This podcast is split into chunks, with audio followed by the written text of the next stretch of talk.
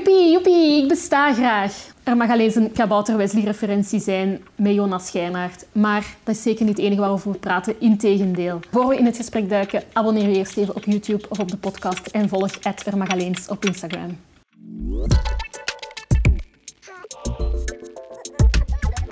Jonas Schijnaert, welkom. Dank u wel. Er is een schip met Ik Eerste Kabouter Wesley-referentie. Ja, eh, inderdaad. Het programma is vier seconden ver. Ja. Hoe gaat het met u? Goed, ja, het gaat goed. Ja, Waar, waarmee ben je zoal bezig deze dagen? Uh, met veel tegelijk. Uh, uh, aan het schrijven eigenlijk al een jaar. Ay, schrijven en brainstormen. onder andere weer een project samen met mijn vriendin Julie Mailleux. zijn we aan het nadenken over een mogelijke nieuwe reeks en een filmidee waar we mee bezig zijn. Um, en dan nog een andere reeks waar ik ook al langer op aan het broeden ben. Maar het is nog allemaal in de conceptuele ja. fase. Je kan nog niet te veel onthullen. Nee, nee dat gaan we nog als een, een verrassing Ja. achter de hand houden. Ja, ja. Ja, het is toch wel speciaal, zeker met je, met je vriendin, met je partner samenwerken. Ja, eh, andere mensen zeggen ons soms dat, dat zij dat nooit zouden kunnen als koppel zo intensief aan iets werken. Ik denk dat dat voor iedereen verschillend is natuurlijk, maar bij ons lukt dat wonder wel. Ehm, want wij hebben eh, in 2014 zijn we beginnen schrijven aan onze reeks De Dag. En dat is uiteindelijk een schrijfproces van, als je alles optelt, 2,5 jaar geweest. eh, waarvan toch anderhalf jaar extreem intensief, dat je zo bijna elk, elke avond, bijna elk weekend zelfs doorwerkt tegen de deadlines in. Ehm, en ik had toen schrik dat, dat op creatief vlak dat dat enorm moeilijk ging zijn, dat wij botsingen gingen hebben of meningsverschillen, dat wij een week lang kwaad gingen zijn op elkaar omdat de ene dat vindt en een ander dat. Maar dat viel allemaal reuze goed mee. Um, wat wij toen wel onderschat hadden, is dat wij waren zodanig hard daarmee bezig dat ja, ons sociaal leven was lange tijd heel quasi onbestaande, ga ik, ga ik bijna zeggen. En dat we merkten van dat we bijna uitgepraat waren tegen elkaar, omdat er was alleen maar dat. En je kunt s'avonds niet vragen van, ja, hoe was het geweest op je werk, want ja, je Ja. was erbij, dus je weet het Ja. hoe dat geweest was. Voorbereiding op corona ook eigenlijk. Ja, dat was een, een goede test al op, op corona, dat is waar. Ja. We voelden het al aankomen. Ehm, nee, nee, maar dus nu... tussendoor hebben we nog, nog wel elk andere projecten gedaan, wat dat ook wel leuk was en, en nodig was om een keer apart iets te doen. Maar nu ehm, weer aan het samenwerken en dat lukt, dat is fijn. Ja. Ja, Ja. ja. dat is toch wel... Allee, je hebt toch wel een, een, st- een straf parcours afgelegd op je... Ik weet dat Lieve vandaag 40 is geworden. Klopt, ja. Lieve En jij een- bent? Een oude knar vandaag. Eh, ik ben een, een jong blaadje van 38. Ja. Eh, de fleur van mijn leven. eh, ja, en als ik naar Lieven kijk, dan denk ik van oei, oei, zo ga ik eruit zien binnen twee jaar. Nee, nee, voilà, dus ik ben eh, 38 nu. Ehm, Ja, en, en, en u, een van uw strafste realisaties vind ik, waar je daar neerzet op, kan. ah ja, oei, ja, dat is een eeuwigheid geleden. al. Ja, maar ja. toch, allee, Ja. hoe oud was je toen? Eh, 22. Ja, dat is toch... Eh, allee. Ja. ja, ik was er zelf enorm van geschrokken. Eh, dus ik studeerde animatiefilm en ik was aan een eindwerk bezig, eh Flatlife, een, een komische korte film zonder dialogen. Ehm, en ik was best tevreden, die film was bijna klaar, ik was best tevreden. Ik denk van ja, dat, dat, dat gaan we een keer insturen naar, naar een festival en laat ons direct maar hoog mikken. dus heb ik dat naar, eh, naar Cannes eh, opgestuurd in de veronderstelling dat dat dan nooit geselecteerd ging, ging eh, worden. Ehm, maar tot mijn eigen verrassing ehm, was het dan in, in de competitie van kortfilms daar. en heeft hij zelfs de juryprijs gewonnen. En ja, dat is, als filmstudent kun je niet veel beter beginnen, denk ik, dan, eh, dan op die manier. Dus ja, dat was een hele een, een waanzinnige ervaring eigenlijk. Is dat ook wat de deur heeft geopend naar Woestijnvis? Ehm, dat was in die periode ook wel, maar ehm wij zijn gaan solliciteren, denk ja, een maand na Cannes ongeveer. Ehm, maar wij hadden nul ervaring met, met televisie. We hadden wat onnozele sketchen geschreven. Wij waren daar ooit een keer mee gaan leuren bij, bij TMF, maar ik denk dat ze bij TMF niet goed wisten wat wij daar kwamen zoeken. dus wij hadden ehm, eh, ja, een beetje podiumervaring ook wel. We, hadden, we waren al met comedy bezig toen eh, in theater. Ehm, Koen had film gestudeerd, Jellen en ik animatiefilm. lief in fysica, wat dat de springplank is naar een carrière in de media. Ehm, nee, en gewoon dus onze stoute schoenen aangetrokken en bij Woestijnvis gaan solliciteren. En ik denk, uh, ik denk dat ze wel iets zagen. We hadden alleszins enorm veel goesting om, om iets te gaan maken en om dat echt ook, ook goed te doen. En Woestijnvis, daar, daar werkten al onze grote voorbeelden en onze grote helden. En, Um, dus het was uh, ja, een, een, droom om daar te mogen beginnen. We hadden toen een proefcontract gekregen. Um, en uh, ja, voilà, ik zit er nog altijd, 16 jaar later. Dus, uh, ja. ja maar ja, Woestijnvis is veel veranderd in de laatste jaren, maar nog altijd die, die, die vibe heerst daar wel nog van dat er uh, goede dingen moeten gemaakt worden en, en, en, dat mensen elkaar ook helpen, dat er samen gebrainstormd wordt. En, de lat ligt daar ook heel hoog, hè? Ja, de lat ligt daar uh, hoog. Ik ga niet beweren dat Woestijn dus nooit een programma heeft afgeleverd uh, dat, dat niet uitzonderlijk straf was, laat ik het zo zeggen. Maar het is wel nog altijd zo dat, dat ja, de producties die daar in gang gezet worden, dat die wel dat er verwacht wordt dat de makers ambitieus genoeg zijn om er het, uh, het beste uit te halen uh, en dat je voor jezelf de lat uh, hoog legt. Ja. En als het fout loopt, gaan ze er ook wel de juiste mensen op zetten om het, om het terecht te trekken. Daar hebben wij al een paar keer handig gebruik van, van gemaakt. ja, want nu zijn jullie zelf voor heel veel mensen de grote voorbeelden. Oei, ja. Oh, oh ja. Ja, sorry, no pressure. Ik heb er nog niet over nagedacht. Ja. Um, Nee, ja, we hebben wel al een, een aantal programma's daar uh, kunnen en mogen maken die, uh, die andere mensen dan, dan uh, goed vonden. En dat is natuurlijk altijd fijn. En je merkt ook wel dat, ja, wij zijn, wij zijn nu niet meer de, de jongste generatie daar. Dus er is een hele lichting mensen binnengekomen die daar, ja, zijn opgegroeid met programma's die wij dan gemaakt hebben. ik vond dat heel confronterend. Er was, als wij de dag aan het draaien waren Ehm, dan was er iemand, een geluidsman die daar stond. En uh, die was tien jaar of zo als wij Willys en Marietten uh, gemaakt hadden. En voor mij was het zo de eerste keer dat ik geschokt was van, ah fuck, ja shit, ik ben, ik ben niet meer zo uh, de jongste generatie die daar, die daar werkt. Ja, ik had dat vorige week zelfs. Zwaar, ja. Ja, de mensen ja. die in 2000 geboren zijn, worden dit jaar 21. Ja. Ik vond dat een beetje Ze mogen, hè? maar het is uh, voor ons uh, ja, ja. Het is, wat, jij bent ook in de jaren 80 geboren, hè? Ja, 82. Ja, ik 89. Ja. Zo net, echt zo 7 november, dus echt nog net in, het, uh, in de jaren 80. Ah, ja, ja, ja. ja en ik, voel, ik vind mensen die in de jaren 90 geboren zijn, ik vind dat al, ik vind dat al jonkies, hè? ja, ja, ik snap het helemaal, ja. ja. Mijn vriendin is van um, 1984, dus dat is twee jaar jonger dan ik. Maar de Samson-grens loopt recht tussen ons in. Echt? Dus ik was te oud voor Samson en zij was nog net jong genoeg. Uh, uh, is dat iets ja. typisch voor u, denk ik, dat, dat, jullie daar zo over gebabbeld hebben? ja, ja, ja, waar moeten we over babbelen als je twee jaar met elkaar samen... Om een uur komt op Samson uit als gespreksonderwerp. Hoe lang zijn jullie nu samen? Uh, 13 jaar bijna. Ja. Ja, ja. ja. ja. En hoe, hoe complementair zijn jullie? Hmm. Um, Um, ja, ik denk, dat, dat, is een goede vraag. Mm, ik denk dat wij niet extreem verschillen qua. Er zijn grote verschillen, maar het is niet dat wij twee totaal verschillende karakters zijn. Ik denk dat wij alle twee redelijk rustige mensen zijn die niet goed tegen conflict kunnen, die dat ook niet rap gaan, gaan opzoeken. Zoals Lieve. Uh, ja, voilà, Lieven is ook zo. Um, eigenlijk Lieven en, en Sien ook, uh, Lieven zijn vrouw, wij wonen daar min of meer mee samen. Hè. Dus we hebben twee huizen die aan elkaar gebouwd zijn en een gemeenschappelijke tuin. Ik denk niet dat dat met iedereen zou lukken om zo te wonen, maar Lieve en Sien zijn zo gemakkelijke mensen uh, om samen mee te wonen. En ik durf dat te zeggen over onszelf ook, dat dat gewoon... Hey, dat is bijna tien jaar dat we nu zo, zo samen wonen en dat heeft nog nooit tot, tot conflicten of, of uh, vrevel geleid. Of misschien um, stiekem wel, maar jullie durven er gewoon niet over te babbelen. We kroppen alles op en dan ga ik een keer ontploffen en dan... ja, maar nee, maar dat, ik vraag me dat wel af hoe dat, dat is, want ik ben tot... Ik ben... Mensen noemen mij soms de queen of confrontation. Als er iets is, ik zeg zo... Laten we erover over babbelen. Ja. Ik vind dat jij slecht werk hebt afgeleverd. Hoe ja. komt dat? En ik wil het dan uitpraten en ik ben daar zo... Ja. ja. En ik merk dat mensen daar dan zo heel Zo, eh, en Ja, ja, ja. ik ben zo, ja, een open boek. Ik, ik zeg ook niet totaal niet dat dat, dat dat altijd het beste is, maar ik vraag me wel af hoe dat, dat is om in een wereld te leven waarin dingen soms bijna angstvallig worden vermeden.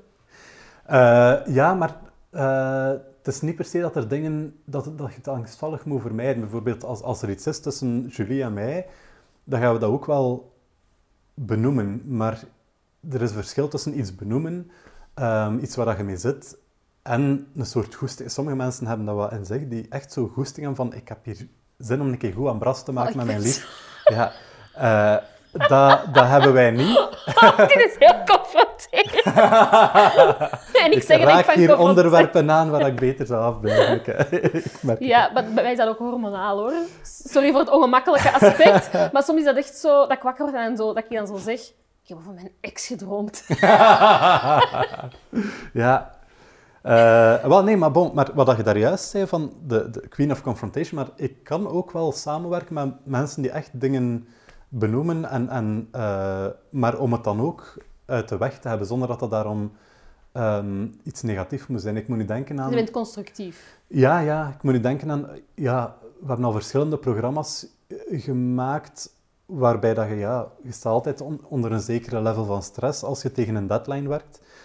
En dat is al een paar keer gebeurd dat er een, een aanvaring was tussen mij en een producer. En ehm, ik werk eigenlijk graag samen ook met producers die nogal rechtlijnig en ook als het scheef loopt, die zeggen van, en nu gaan we dat, of die soms een keer even stoom afblazen en een keer even moeten roepen eh, op de rest.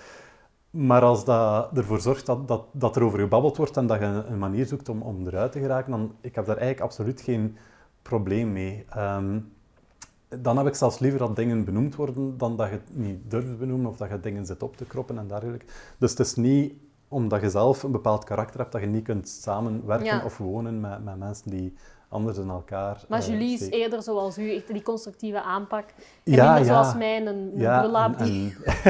en- ja maar, maar Julie die is ook, ik vind dat een, een heel zacht iemand. Ik vind dat Julie een, een nog veel mooier karakter heeft dan, dan ik zelf. Dat is heel schoon zegt. Ja, ik vind, ik vind dat... Die... Ja, die heeft zo weinig slechte eigenschappen. Dat is, dat is, eigenlijk, eh, dat is eigenlijk griezelig, hoe weinig slechte eigenschappen dat Ja, ik Of vind misschien is dat van mijn liefde. Ja, sowieso ook. Hè, sowieso, maar, Wat ehm, zijn jouw slechte eigenschappen dan? Ehm, ja, eh, eh, koppig eh, heb ik al gehoord en weet ik van mijn eigen ook. Maar je hebt daarin ook goedkoppig en slechtkoppig. En ik, ik kan de beide, ik beheers de beide vormen van koppigheid. Eh, denk vroeger ook soms iets te rap een, een, een kort lontje als het gaat over ja, creatief of in brainstorms of als zo'n idee niet goed ontvangen wordt of je hebt iets geschreven en de rest vindt het niet goed, dan, dan schoot ik soms in een defensieve modus en Moeilijk werd ik soms wat kwaad. Ja, en nu is dat eigenlijk al veel verbeterd. Eh, ik ga niet zeggen dat ik daar nooit meer last van heb als, als iemand zo iets wat je zelf goed vindt, niet goed vindt, dan, dat is altijd een beetje lastig. Maar ehm, eh, ja, vroeger kon ik daar soms echt kinderachtig op reageren. Ja. En dat is wel eh, door meer dan 15 jaar die job te doen, en voor televisieprogramma's maken, is dat wel verbeterd, eh, durf ik over mijn eigen te zeggen. Ehm, en nog slechte eigenschappen, ja, nog veel hoor. Eh, ehm, Ben je iemand die makkelijk over emoties babbelt? Ehm, ja, maar e- eerder in deze richting. Dus als mensen in mijn omgeving eh, het moeilijk hebben, dan eh, probeer ik altijd wel een, een luisterend oor te zijn en zonder oordelen gewoon te babbelen. En ik ben ook geen, ik ben geen expert, ik ben geen psycholoog en dergelijke, maar Ja. als er mensen met, met mentale issues zitten, ja, ik vind dat. ehm, er is eh, de laatste jaren al veel gebeurd om, om mentale issues bespreekbaarder te maken. Er is nog een hele weg af te leggen, want eh, bij onze generatie is dat nu aan het komen, maar generaties voor ons rust daar nog een groot taboe op. eh, Ja, dat merk is zot, hè? Hoe hard Ja. dat verschilt. Ja, maar ik vind dat een heel goede evolutie en ik, ik merk ook van, van de keer dat je mensen bereid vindt om, om, eh, om erover te babbelen, dat dat, eh, ja, dat doe heel veel als mensen ergens mee, mee zitten. En omgekeerd ga ik dat ook wel doen. Eh, ja, ik heb wel, maar dat is al lang geleden, maar zo één heel zware periode doorgemaakt. Dat was meer door, door omstandigheden. Ehm, maar dan heb ik ook beroep kunnen doen uh, uh, op andere mensen. En hoezo uh, zware omstandigheden? Was er, was er, was er Sorry als, sorry als ik out of line ben, maar was er, was er iets gebeurd? Of, of had je het moeilijk met jezelf? Of, of was het... Het was iemand uit mijn directe omgeving waar het heel moeilijk mee ging. Ja, en okay. dat had een hele zware impact op mij ook toen. Maar toen zijn er mensen rondom mij geweest die mij daar wel uh, Ja. bovenop Het is niet dat je naar een psycholoog bent geweest. Nee, ik heb wel professionele advies gevraagd aan, aan een psycholoog om, om te zeggen van ja, ik zit met zo'n situatie en hoe moet ik daarmee mee omgaan. Uh, en die heeft mij een paar dingen verteld en daar heb ik uh, heel veel aan gehad ook. Ehm, Zijn er zo algemene tips of dingen die die psycholoog heeft verteld die handig kunnen zijn om... ja, omdat je merkt dat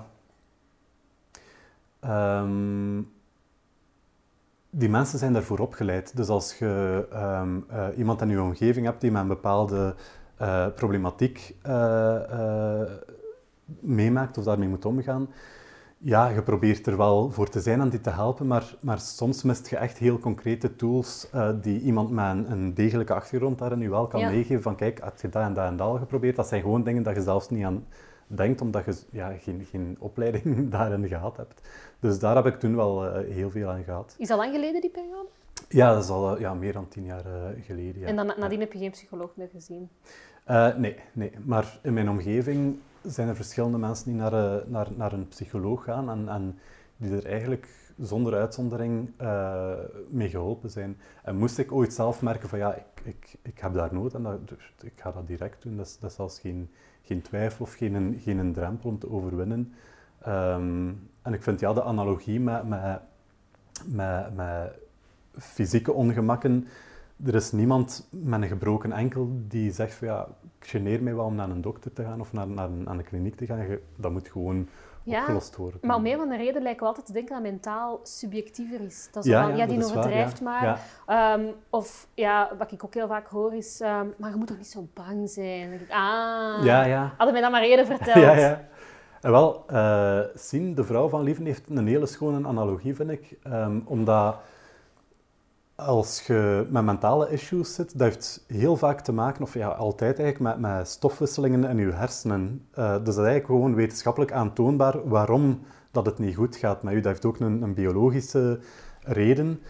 Um, en Sien zei van ja, als iemand diabetes heeft, er is niemand die tegen uh, een, uh, een diabetes gaat zeggen van doe een keer neonozel en maak een keer insuline aan. Uh, maar een iemand die in een depressie zit of met een burn-out, mensen zeggen soms, soms zelfs goed bedoeld van hey, herpakt u en, en ziet het een keer wat vrolijker in. Ja, maar dat gaat niet. Gelijk dan een, een, iemand met diabetes kan ook niet op, puur op wilskracht insuline beginnen aanmaken. En je kunt ook niet bij elk mentaal issue zelf je hersenen dwingen om de juiste stoffen aan te maken, om dat weer te reguleren. Um, uh, dus zo simpel is dat en daarmee dat zo die, die stap naar, naar professionele hulpverlening, dat dat een hele belangrijke is. Ik vind dat super interessante uh, materie ook. En, en ja, ze, ze, ze, de hersenen waren tot nog niet zo lang geleden terra incognita. Dat was een, een onderdeel van ons lichaam waar we heel weinig over weten. En de laatste decennia zijn er gigantische sprongen gemaakt, maar er is nog veel dat we er niet over weten. Ja, ik vind dat super interessant. Ja. Zelf, zelf merk ik dat er ook heel veel taboe rust op, op uh, medicatie. Mm -hmm. Neem bijvoorbeeld sinds mijn 13, 14 jaar neem ik relatine. Mm -hmm. En ik neem nu ook al 8, 9 jaar antidepressiva, vooral mm -hmm. tegen de, de angsten. Um, en ja, ik merk toch als je dat dan je wordt precies een beetje als een zwakkeling aanzien. Dat je het zo met een, een pilletje... Terwijl ik echt... Ik merk dat, dat, um, dat, dat, ja, dat er een stofje... Ik voel dat heel veel er een stofje in mijn hersenen -hmm. tekort komt, ja, ja, die ja. andere mensen misschien meer zullen, zullen aanmaken. En onlangs zei mijn lief... We waren bezig over de, over de meest negatieve eigenschappen. En mijn lief zei dat ze vond dat ik negatief was. En dat is ook echt wel zo... En ik merk dat mijn reactie daarop zelfs negatief was. Heel meta. Ja. Maar ja, en ja. Ik, ik, ik weet het niet. Ik, dat zijn echt van die dingen dat ik probeer, dat ik zelf heel hard probeer. Zo, denk na over drie dingen waar je dankbaar voor bent en zo van die toestanden. Maar ik Mhm. merk dat dat... Ik blijf negatief. Ja, of misschien ben ik realistisch. ja, maar, maar ja, ook daar gaat... gaat één, de ene dag is een ander niet. Ik denk dat dat bij, bij niemand zo is. Maar ook, ja, ik vind mijn eigen op sommige vlakken eerder pessimistisch, maar ik sta niet zo in het leven. Ehm, en ik denk dat dat ook zo'n een, ja, een, uh, iets dat, dat wat tegenstrijdig lijkt als je dat, als je dat vertelt. Maar, um... is, dat dan, is dan eerder argwaan dat je hebt? Of hoe komt dat pessimisme tot uiting? Goh, maar, maar om nu een concreet voorbeeld te geven, als het gaat... De, de, de grootste uitdaging of het grootste probleem van onze tijd nu is de uh, klimaatcrisis waarvan iedereen al 15 jaar weet dat ze voor de deur staat en dat ze, er niet, dat ze niet zomaar gaat weggaan. En de vooruitzichten worden eigenlijk alleen maar slechter. En daar ben ik pessimistisch in die zin van... Uh, ik heb niet voldoende vertrouwen in het technische kunnen van de mensheid om dat op korte termijn uh, nog opgelost te krijgen. Ik zie ook niet... Uh, ja, ik zie eigenlijk daar zie ik zo geen geen positief nieuws te rapen om, om die uh, catastrofe nog af te wenden. Langs de andere kant, wat er gaat gebeuren is, niet, we gaan het leven op aarde niet uitroeien, we gaan het wel onszelf geweldig moeilijk maken. Daar gaan gigantische humanitaire catastrofe zal gebeuren. En ik zeg eigenlijk al tien jaar van ja, er gaat maar iets gebeuren als de eerste miljoenenstad onder water loopt, bij manier van spreken. Maar ik meen dat ook wel um, binnen het systeem dat we nu hebben, uh, moet er zoiets van uh, dramatisch gebeuren eer dat er echt dingen gaan ondernomen worden. Het is zo, als iemand u zegt, ja, binnen, binnen tien jaar gaat je huis afbranden, maar, maar je ruikt nog geen brandlicht en dergelijke, dan, dan kun jij dat blijven uitstellen om er iets aan te doen. We zijn korte termijn dieren ja, ook, Ja, ja, voilà. En ons politiek systeem is ook gericht op de korte termijn. Hè. Dat, dat loopt maar een legislatuur en verder wordt er niet gedacht. En dat is wereldwijd een beetje een, een probleem. Dus daar, daar ben ik echt heel pessimistisch in. Ik denk dat we uh, op dat vlak hele erge dingen gaan meemaken. En ik bewonder mensen die, die over oplossingen uh, nadenken en die ermee bezig zijn. Dat hebben we absoluut nodig. We hebben mensen nodig die, die dat hands-on proberen aanpakken en, en uh, maar die, mensen zijn ook vaak heel pessimistisch. Hè? Anuna de Wever zat hier en die zei van... Het loopt hier echt allemaal naar de, naar de vaantjes. En hoe mm. kunnen mensen vrolijk... Zij, zij, uh, ja, ze zegt zelfs van, kunnen mensen vrolijk op een feestje een glaasje wijn drinken en zich niet zorgen maken omdat er de hel op aarde die zich hier aan het afspelen is. Mm Zou jij daar ook naar kijkt? Uh, ik kan wel een glaasje drinken op een feestje. Eh, nu niet, want we mogen niet feesten. Maar um, nee, dat is, dat is wat ik er juist bedoel. Maar, um, dat ik over sommige dingen heel pessimistisch ben, maar dat ik dat niet per se mijn gedrag moet laten uh, beïnvloeden. Ja. Um, ook bijvoorbeeld ja, als het gaat dan over, over politiek, de laatste 15 jaar hier in ons land en vooral eigenlijk in, in, in het Vlaamse landsgedeelte hebben een enorme verrechtsing gehad. Ik ben zelf zeer links in mijn denken. Um, en dat, dat doet mij zeer. Um, niet dat mensen niet rechts mogen zijn. Ik, ik, babbel graag met, met mensen die anders denken. Uh, um, die er ander gedachtegoed op, op nahouden, want daar kun je alleen maar uit, leren en zelf een betere mens van worden. Maar uh, ook daar heb ik zo'n tijdje geleden ben ik een beetje politiek afgehaakt. Van, van, en die zijn niet afgehaakt als in dat ik mijn overtuigingen opgegeven heb, integendeel, maar uh, ja, ik zie ook geen oplossingen om dat tijd te keren of om andere mensen voldoende te overtuigen van ja, maar als we het zo aanpakken, dan gaat het toch wel beter mm. gaan. En, um, omdat ik er een beetje moedeloos van, van word zelfs. En zeker als het dan gaat over um, ja, hoe dat er een bepaald discours gehanteerd wordt over bijvoorbeeld uh, vluchtelingen. Dat is een, wel een stokpaardje van mij. Um, ik word daar zeer, zeer triestig van als ik sommige mensen verhalen hoor ophangen over, over een vluchtelingencrisis die is er niet. Wij zitten niet met een vluchtelingencrisis. Er is migratie uh, uh, naar Europa, binnen Europa ook. Dat is er altijd geweest, dat zal er ook altijd zijn. Maar mensen die het hebben over een vluchtelingencrisis hier, die weten niet wat een vluchtelingencrisis is. En jij wordt zo boos van, jullie weten niet waarover jullie spreken. Ja, maar ga een keer naar, naar de buurlanden van, van Syrië in het Midden-Oosten kijken. Ga een keer daar kijken wat een vluchtelingencrisis is.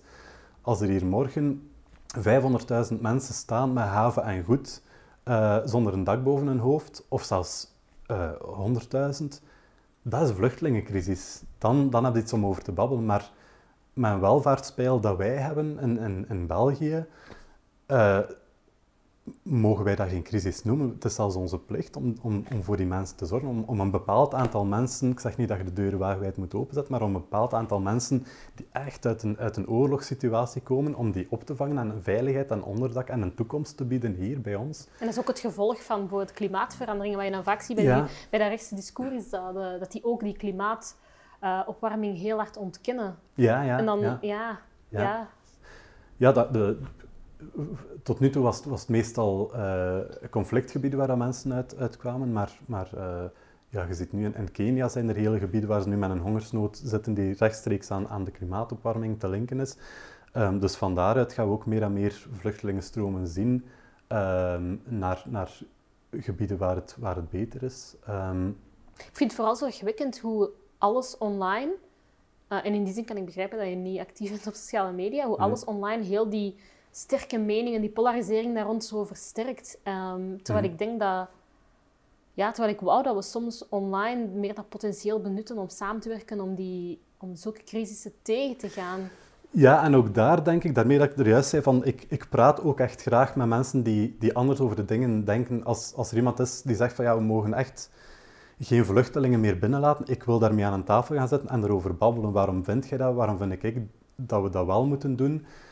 Maar ik kan niet tegen een discours waarin dat mensen gedehumaniseerd worden. Ja. Um, waarin dat, dat is ook geen mening, hè? Dat is, dat is gewoon... Ja, ja dat, dat is mensen een identiteit ontnemen en echt haat zaaien en mensen groeperingen tegen elkaar opzetten, ons een schrikbeeld geven van de vluchteling die onze welvaart komt afpakken. Maar zo, zo, zo is de realiteit niet. En jij moogt een mening hebben um, over uh, hoeveel vluchtelingen of asielzoekers dat we hier moeten toelaten of niet dat mag een andere mening zijn dan de mijne en ik wil erover babbelen.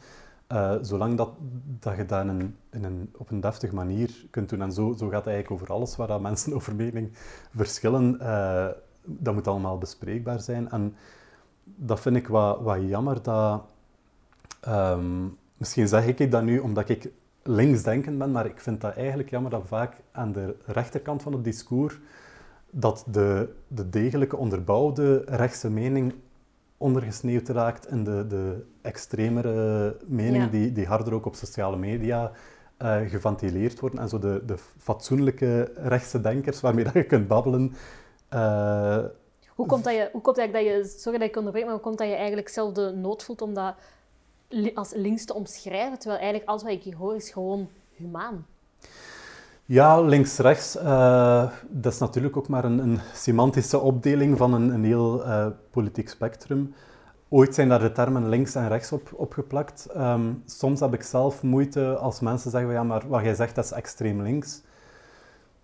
Omdat het woord extreem is al heel beladen. Terwijl dat mijn overtuiging is van, um, als je iets wil doen aan de, de grote uh, humanitaire en klimaatcrisissen waar dat we nu mee zitten, dan moet je echt ons economisch model herdenken. En we leven nu in een wereld waar, waar uh, ja, Kapitalisme. Ja, alles staat in teken van, van de winst. Hè. Niet altijd bewust, maar gewoon onze economie is daarop gestoeld van privébedrijven moeten winst maken. Dat is een, een doel. Uh, hebben heel veel vrijheid om zelf uh, um, initiatieven te nemen enzovoort. Er zijn heel veel positieve aspecten aan. Dat wordt vanuit de linkerkant denk ik ook niet, niet vaak genoeg onderkend. Dat dat is wel een systeem dat in zekere zin marcheert. Alleen de nadelen die het met zich meebrengt en de onrechtvaardigheden die ingebakken zijn in dat systeem, die zijn voor mij eigenlijk onverdedigbaar. En daarmee dat ik niet graag extreem links genoemd word, omdat in dat extreem schuilt iets alsof dat wij staatsgevaarlijk zouden zijn. En ik meen te mogen zeggen dat dat niet het geval is. Ik ben een heel vredelievende jongen, maar ik ben wel voorstander van een totaal ander uh, economisch systeem, uh, dat we nog moeten, moeten vinden of moeten, moeten bedenken, maar waarin dat uh, winstbejag van hè, uh, multinationals of dan grote aandeelhouders daarin niet ten koste meer mag gaan van mensenrechten of van, van wat aan onze planeet uh, aan kan. Um, dus voilà, en dat is, dat is, al heel lang mijn overtuiging en dat is nog altijd uh, het geval. Zou je jezelf activistisch Nee, nee. Ik ben, ben nooit eigenlijk zo heel veel gaan betogen ook. of affiches voor de een of de ander gaan plakken. dat niet, maar... Um, ik heb wel een overtuiging, en gelijk in, in gesprekken zoals nu, ik praat daar wel um, uh, over en ik probeer te argumenteren waarom dat ik over bepaalde dingen zo denk. En ik zie ook echt die oprechte ja. bezorgdheid.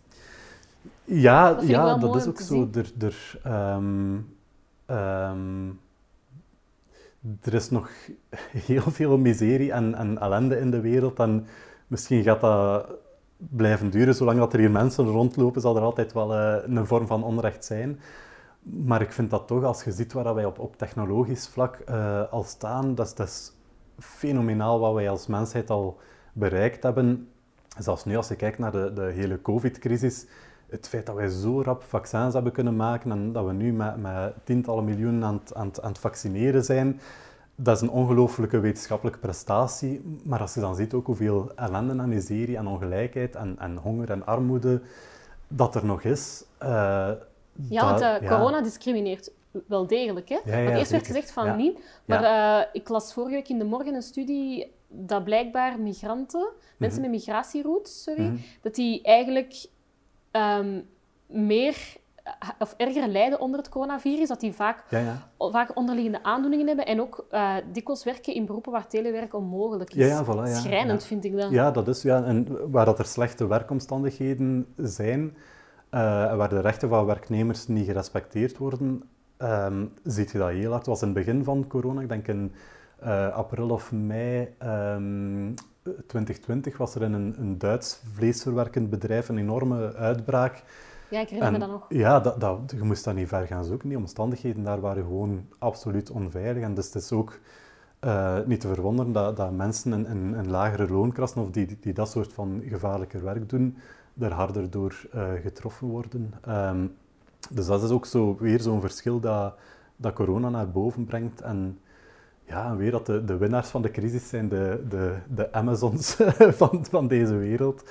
Uh, natuurlijk, ja, online wordt er veel meer uh, gekocht. Uh, bij ons is de deurbel ook al afgesleten, zo van alle pakjesbezorgers. Um, We hebben een pakjesbrievenbus.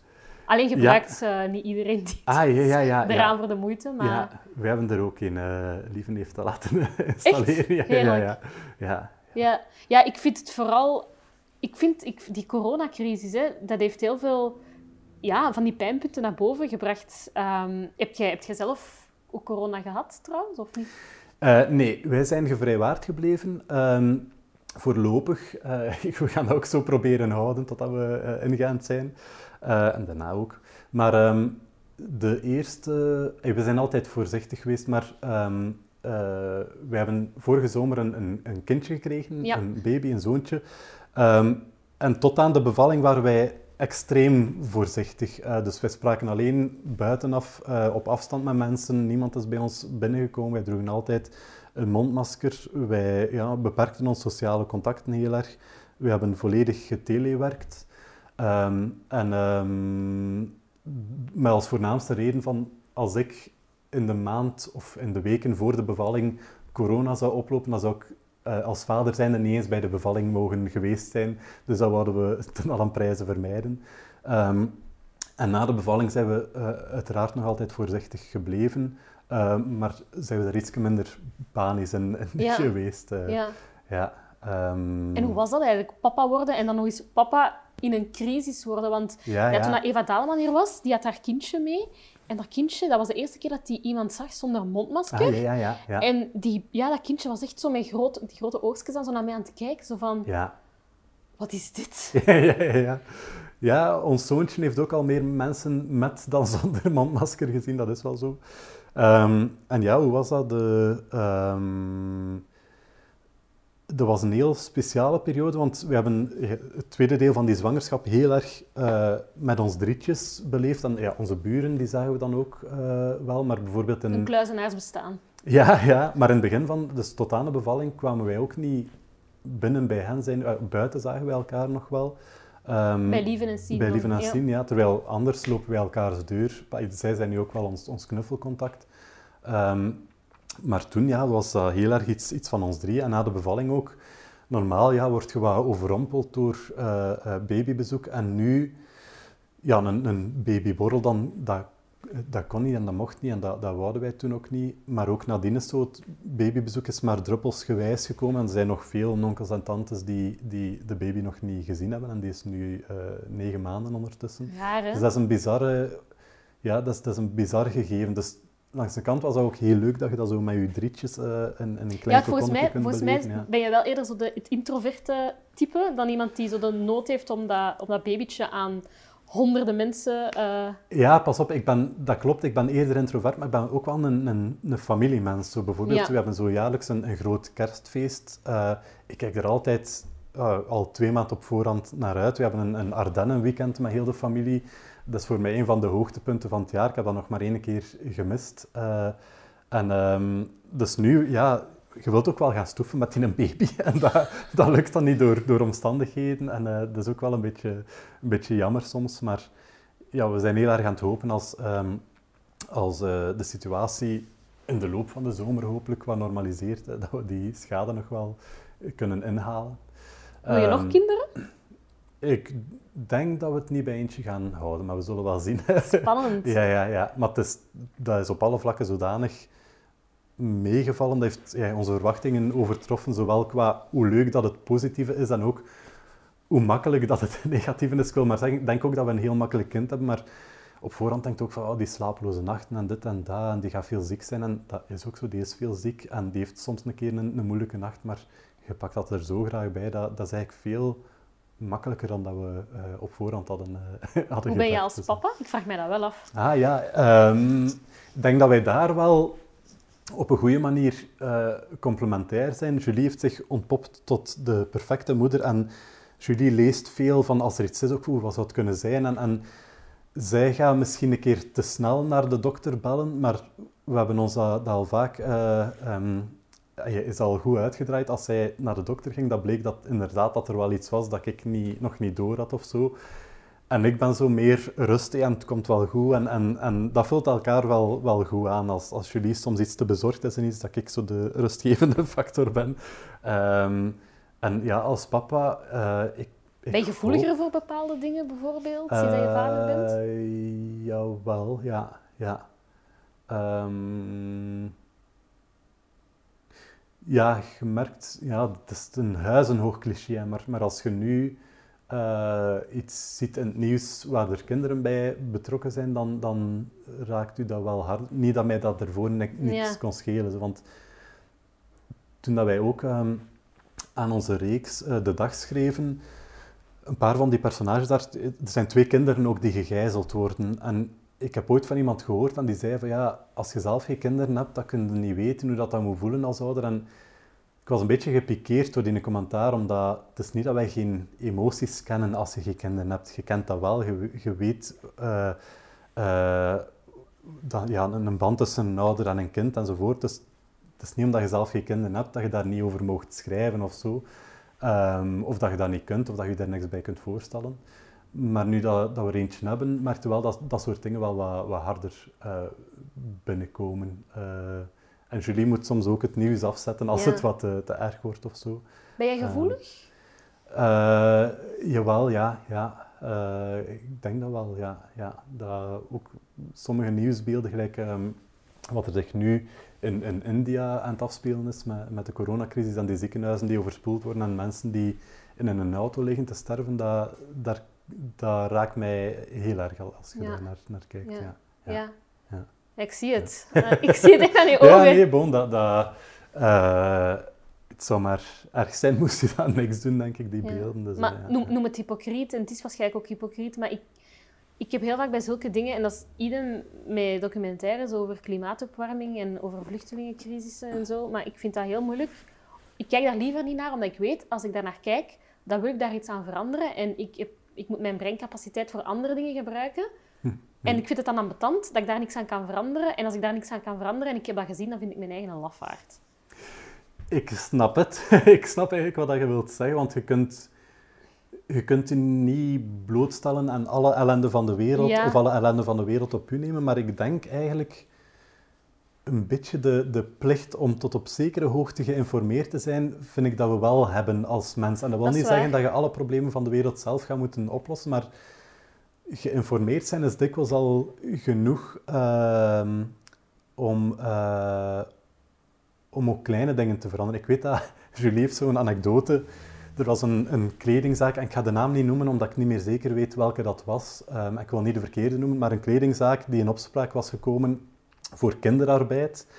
En ehm, Julie was eh, twee meisjes die daar aan de kassa stonden, die was dat gaan zeggen daartegen van ja, en, ah, ik, ik wil hier ook iets kopen, maar ik wil niet meer omdat eh, ja, er zijn echt kinderen die de kleren maken en die in ellende moeten werken enzovoort. En die heeft die twee meisjes van een, aap, van een aankoop kunnen doen afzien Echt? door haar verhaal over kinderen. Ik vond dat, heel, dat typeert ook Julie, dat hij dan niet de sociale remmingen heeft om daar niks over te zeggen. Eh, maar ik wil maar zeggen, ja, zij wist dat, zij had dat gelezen in het nieuws, dat dat bedrijf eh, zich schuldig had gemaakt aan, aan kinderarbeid. Ik vind dat dan wel, dat is iets heel klein dat hij wel gedaan heeft en die hebben twee sweaters minder verkocht. Ik weet niet of dat de, de winst er spectaculair door gedaald zal zijn. Maar om maar een, een voorbeeld te geven van, ja, soms kunnen door geïnformeerd te zijn ook al keuzes maken ehm, die de wereld een, een betere plek maken. En, of iets heel simpel, ehm, eh, van bank veranderen. Dat hebben wij nu ook gedaan. Dus, dus ons spaargeld zit bij een, een ethische bank. En ons eh, zichtrekening staat bij de meest ethische zichtrekeningbank die je kunt hebben.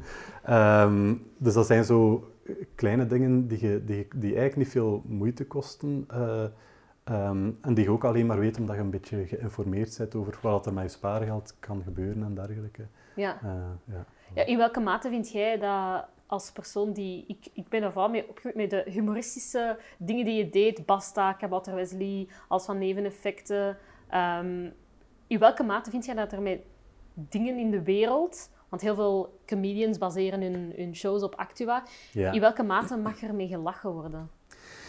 Ehm, ik ben altijd een voorvechter van eh, de grenzen van humor zo vrij mogelijk te laten. Ehm, en in dat opzicht heb ik een beetje een probleem met, met wat de, de, de beweging die zichzelf woke heeft genoemd.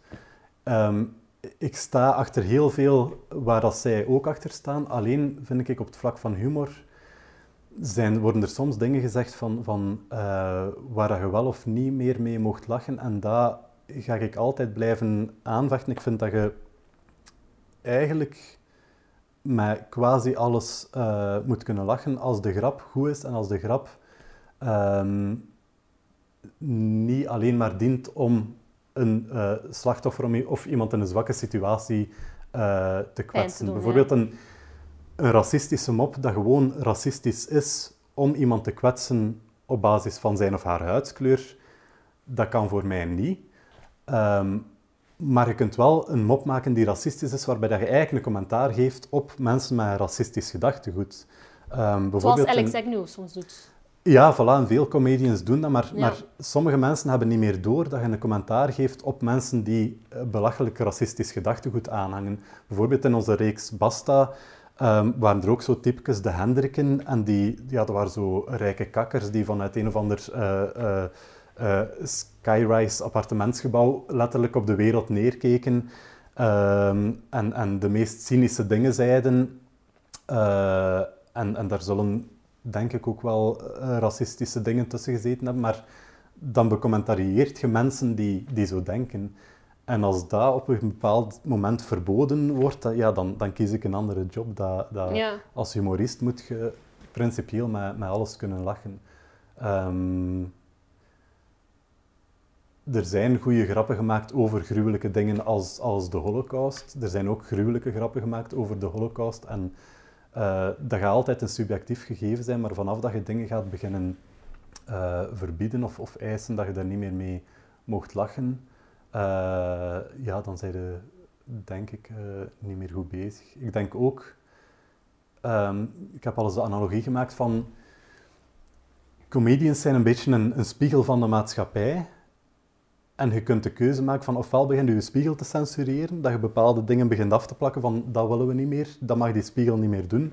Ofwel moet je gewoon je, maatschappij veranderen. En ik weet dat comedians daar ook, of, of mensen die, die ehm, een, een, publieke rol hebben, die, die, ehm, die kunnen daar ook wel actief iets aan doen uh, om die maatschappij te veranderen. Maar eigenlijk, ja, soms wordt er heel veel aandacht gegeven aan een comedian die iets zou gezegd hebben dat al dan niet beledigend is voor die of die bevolkingsgroep. Maar dan denk ik van, maakt eerst een keer werk van, van, van echt systematisch racisme in de maatschappij aan te pakken. Dat is niet de rol van comedians uh, om dat aan te pakken. Uh, en, en focust u eigenlijk daarop en, en, verlegt de strijd niet naar een, naar, een, naar, een verkeerde, naar een verkeerde plek. Of zo. Dat is soms het gevoel dat ik heb als, als iemand die al heel lang met, humor bezig is, dat, ja, dat, de, dat de tenen nu langer zijn um, uh, dan 10, 15 jaar geleden. En sommige dingen daarvan vind ik goed. Uh, bijvoorbeeld, uh, dat gaat dan niet specifiek over humor, maar dat vind ik een heel schoon voorbeeld van, van hoe dat iets um, heel schoon opgelost is. Dat vind ik die Zwarte Pieten discussie.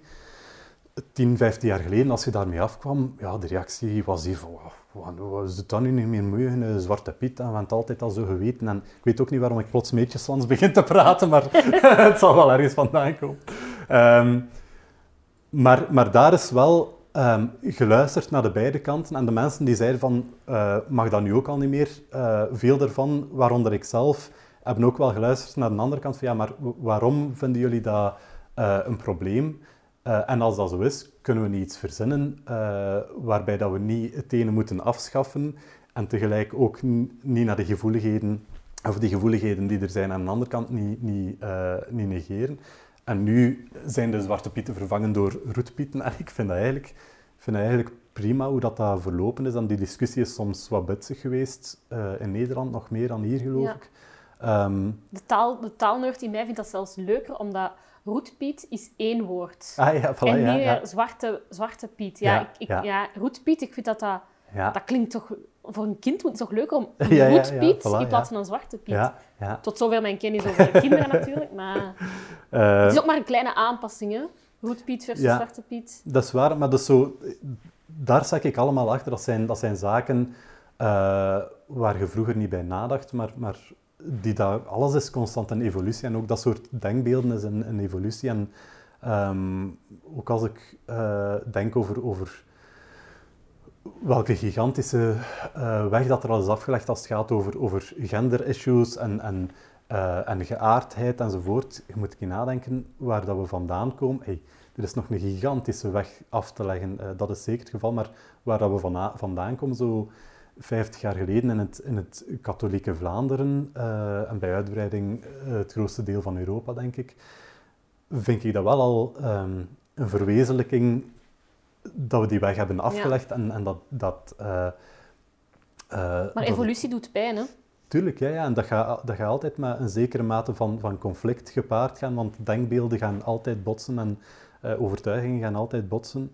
Ehm, en ik wil ook praten met mensen die er anders over denken, maar er is wel ergens een, een grens waar ik niet over... Als het bijvoorbeeld gaat over gelijkheid tussen man en vrouw, voor mij is dat iets dat, dat absoluut is. En, en je kunt cultureel eh, verschillende opvattingen hebben, maar ehm, als het gaat over ja, toegang tot het onderwijs, voor mij is dat, is dat niet, niet onderhandelbaar. Is dat, dat jongens en meisjes evenveel recht zouden hebben op, op, op onderwijs. Maar bij uitbreiding, ja, het hele persoonlijke leven. En, ehm, dus, dus je kunt openstaan voor andere meningen en, en culturele verschillen, maar, maar zelf heb je ook nog altijd je, je eigen overtuiging, Mhm. die dat je niet moet opgeven omdat je babbelt met, met iemand die er anders over denkt. Ook nu als er landen in Europa zijn waar dat zo eh, homovrije zones zijn, Waanzin. dat, ik gruwel daar. Ik vind dat, ik vind dat daar te soft op gereageerd wordt vanuit Europa zelf. En dat is voor mij een soort grens van, ja, je, je, je mocht een, een land hebben waar meer traditionele opvattingen zijn, maar, maar homovrije zones, nee, dat, dat gaan we niet doen. Dat gaan we echt niet doen. En, eh, Wat ik, wel, Ja. wat ik wel heel leuk vind, en ik kan, mij, ik, kan, ik kan niet geloven dat ik daar nog niet eerder over begonnen ben, zelfs voor dit interview. er is een reden waarom ik kijk nog steeds een abonnement op Humo, is het Gat van de Wereld. Ah, ja, ja. En ik heb maar onlangs ontdekt dat jij daar ook eh, achter ja, zit. klopt, ja. En Ja. ik vind het heel fijn aan, aan die rubriek, omdat die met alles en iedereen lacht, Ja. heb ik het gevoel. En ook omdat het duidelijk ook de grenzen van humor durft opzoeken. Ja, dat is wel zo. Eh, Er was bijvoorbeeld een mop die ik echt geweldig grappig vond. Compleet erover, maar dat was... eh, ehm, eh, een paar maanden geleden dat stond er een, een, een printje van... om het virus uit te schakelen, werd reuzegom ingeschakeld. Ah, ja, ja, ja. Ja, ja, dat, ja. Maar dat vind, ik vind dat heel, dat is heel gevoelig, maar ik vind, dat, wel, ik vind dat wel hilarisch. Maar vooral omdat... Ja, er wordt duidelijk de draak gestoken met reuzegom. En niet het feit dat daar iemand... Voilà, ja, ja, ja. Dat vind ik wel ook Ja. een belangrijke nuance in die humor. Wel, maar dat is precies wat je benoemt. Ehm, je, je maakt een grap waarbij dat, het gaat eigenlijk ten koste van, van, van die apen van Reuzegom, niet van, van dat slachtoffer, eh, eh, van, van, ja, van, van die moord dat daar gebeurd is. Maar ik vind wel dat je die mop moet kunnen maken. Maar ook iets wat dat mensen soms zich gaan mispakken is... eh, er zijn twee dingen. Eén is, mensen zeggen soms van, dat is niet grappig, maar het is altijd subjectief. Je kunt niet zeggen, dat is niet grappig. Je kunt zeggen, ik vind dat niet grappig. Je kunt zelfs zeggen, ik vind dat wansmakelijk, want dat is je persoonlijke mening. En je mag die mening hebben. Als ik een grap maak en jij vindt, jij vindt die wansmakelijk, dat is je goed recht. Maar iemand anders kan die geweldig grappig vinden. Ehm, en het een mag het ander niet, niet uitzetten. Ik vind als, als iedereen een grap wansmakelijk vindt en niemand vindt die grap, oké, dan heb je een probleem met je grap. Maar als er een percentage mensen die echt grappig vindt, dan heeft die grap bestaansrecht. Een ander ding is, ehm, als wij in het Gat van de Wereld een grap maken die gaat over reuzegom, dat gaat nooit grappig zijn voor de kennissen, de vrienden en de familie van die jongen die daar vermoord is. Het is hetzelfde met als een comedian een grap maakt over kanker en ik ben juist familielid verloren aan kanker. Voor mij gaat dat nooit grappig zijn. Maar dat wil niet zeggen dat dat onderwerpen zijn waar je per se moet vanaf blijven. Nee. Ik ga ook, eh, als ik zelf iets meegemaakt heb, over bepaalde dingen geen grappen meer maken, eh, omdat dat te dicht bij mij komt. Maar over andere dingen dan wel. Dat heeft niet te maken ook met, met ongevoeligheid, maar humor heeft ook een psychologisch ehm, doel. Namelijk eigenlijk, er is veel onderzoek naar gebeurd en een van de dingen die ze ontdekt hebben is dat humor is eigenlijk een soort opluchtingsreflex ook. Als je een, een mop hoort of leest of ziet, en dat is een mop waarin dat er iets erg gebeurt, een van de triggers in ons hersenen is dat we in de lach schieten, omdat we opgelucht zijn dat het ons niet overkomen is. Ik ga nu niet zeggen dat dat alleen maar op die extreme voorbeelden eh, van toepassing is, maar bijvoorbeeld als je slapstick humor, als iemand een plank in zijn smoel krijgt, de reden dat wij lachen is eigenlijk omdat wij biologisch geprogrammeerd zijn om opgelucht te zijn van ah, wat goed dat wij die plank niet in onze smoel hebben gekregen. Ik vind dat iets heel interessant om over na te denken, maar dat is ook mijn overtuiging dat, dat over eh, beladen onderwerpen dat je humor moet maken zelfs. Ehm, en soms is het heel moeilijk. Ik weet nog, ehm, eh, als er echt iets extreem wereldschokkend gebeurt, zoals denk nu aan de aanslagen in Parijs, dat was een van de moeilijkste weken bij het Gat van de Wereld, omdat dat waren aanslagen gericht tegen ehm, een, een, een satirisch maandblad. Dus dat was al een beetje Ja, onze ja. rayon. Nu, ik, ik heb niet Je suis Charlie... ah, Ik, ik zit al niet op sociale media, maar ik vond Je suis Charlie... Vond, ik schaarde mij daar niet achter, want ik vond veel van die cartoons eh, in Charlie Hebdo vond ik zelf eh, onverdedigbaar. Ja. Ehm, maar dat neemt niet weg dat je die redactie niet moet gaan neermaaien. Dat, ehm, eh, dus geweld is nooit eh, goed te praten. Maar dat wil niet zeggen dat ik een grote Charlie Hebdo-fan was, in tegendeel. Maar wat ik wil zeggen is eigenlijk van, er gebeurt iets zo gruwelijk en je weet, ja, je bent een satirische rubriek, dus je moet daar ook iets mee doen. Het zou raar zijn om, daar niks mee te, om dat nieuws te negeren. Ehm, dus daar hebben we toen wel een soort eh, oplossing voor gezocht en gevonden. Maar dat zijn wel de, de moeilijkste weken als er dingen gebeuren waar er echt eh, zinloos veel mensenlevens verloren gaan. Mensen die echt eh, zijn afgeslacht op de meest gruwelijke manier. En daar moet je iets humoristisch mee gaan doen. Dat zijn niet de makkelijkste weken. En zo word je als creatieveling heel hard ook gechallenged waarschijnlijk. Ja, ja, ja. Ehm, Wat ik wel merk bij zo'n dingen, wat ik, je had daar net over, eh, over de, ehm, humoristische, de reactie van humor en de dingen met onze hersenen. Wat ik heb bij zo van die vreselijke daden, ik moet altijd, gaan op, ik moet altijd dat beeldmateriaal gaan opzoeken, omdat ik, ik, ik voel dat precies dat, dat een deel van mijn hersenen mij, speciaal mijn hersenen mij willen waarschuwen voor al het vreselijke dat in de wereld aan de gang is. Ik moet dat visueel gezien hebben.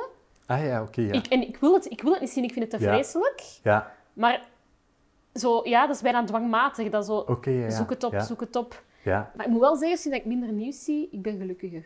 Ah ja, ja. Ik hield vroeger dagelijks die coronacijfers bij. Ja, En zo, ah ja, en nu wat minder. Ah, toch terug wat meer. Nu, ja, het is er. Ik weet dat het er is. Het ziet er niet zo goed uit. Ja, ja, ja, ja. Nee, dat klopt. Ja, zo die, die... ja, om een duur krijg je ook een soort murwheid. Hè. Als je het elke dag eh, ehm, op je laat afkomen, denk dat niemand er echt voor geprogrammeerd is om, Nee. dat, om dat zo te doen. En, maar ik bij mezelf ook, ik heb eh, het laatste jaar meer naar het, naar het tv-journaal gekeken dan, dan ooit tevoren. Ja, omdat je veel thuis zit eh, en je zet 's middags tijdens de lunch al een keer het journaal op. En vroeger keek ik quasi nooit naar. Ik las vooral online nieuws, maar, maar zo'n journaal bekijken zat er niet in. Maar ehm, ja, nu, in het begin natuurlijk, zit aan die, aan die eh, eh, beeldbuis gekluisterd als die crisis nog helemaal nieuw is. En die eerste weken denk ik dat, dat iedereen dat wel gedaan heeft. Maar op een gegeven moment komt er bij iedereen wel een soort eh, coronamoeheid van dat je overspoeld wordt met, met berichtgeving daar rond. En sommige mensen zetten dat volledig af, of je kunt dat een tijdje afzetten of wat minder en dergelijke. Ehm, dus ja, ik snap dat wel, dat je, dat je op een gegeven moment eh, dat wat Het is genoeg geweest. Ja, ja, ja. Ja, hoe zet jij jezelf eigenlijk mentaal zo echt tegengekomen tijdens die crisis? Die nu nog altijd bezig is. Ehm, ik denk, wij, zitten in een, wij zijn ons zeer bewust dat wij in een eh, extreem geprivilegeerde positie zitten. In die zin dat eh, wij, wij hebben een, een stabiele relatie, stabiele omgeving ook. Eh, wij hebben vast werk. Eh, wij moeten ons financieel geen zorgen maken. Eh, wij zijn niet technisch werkloos geworden door die crisis.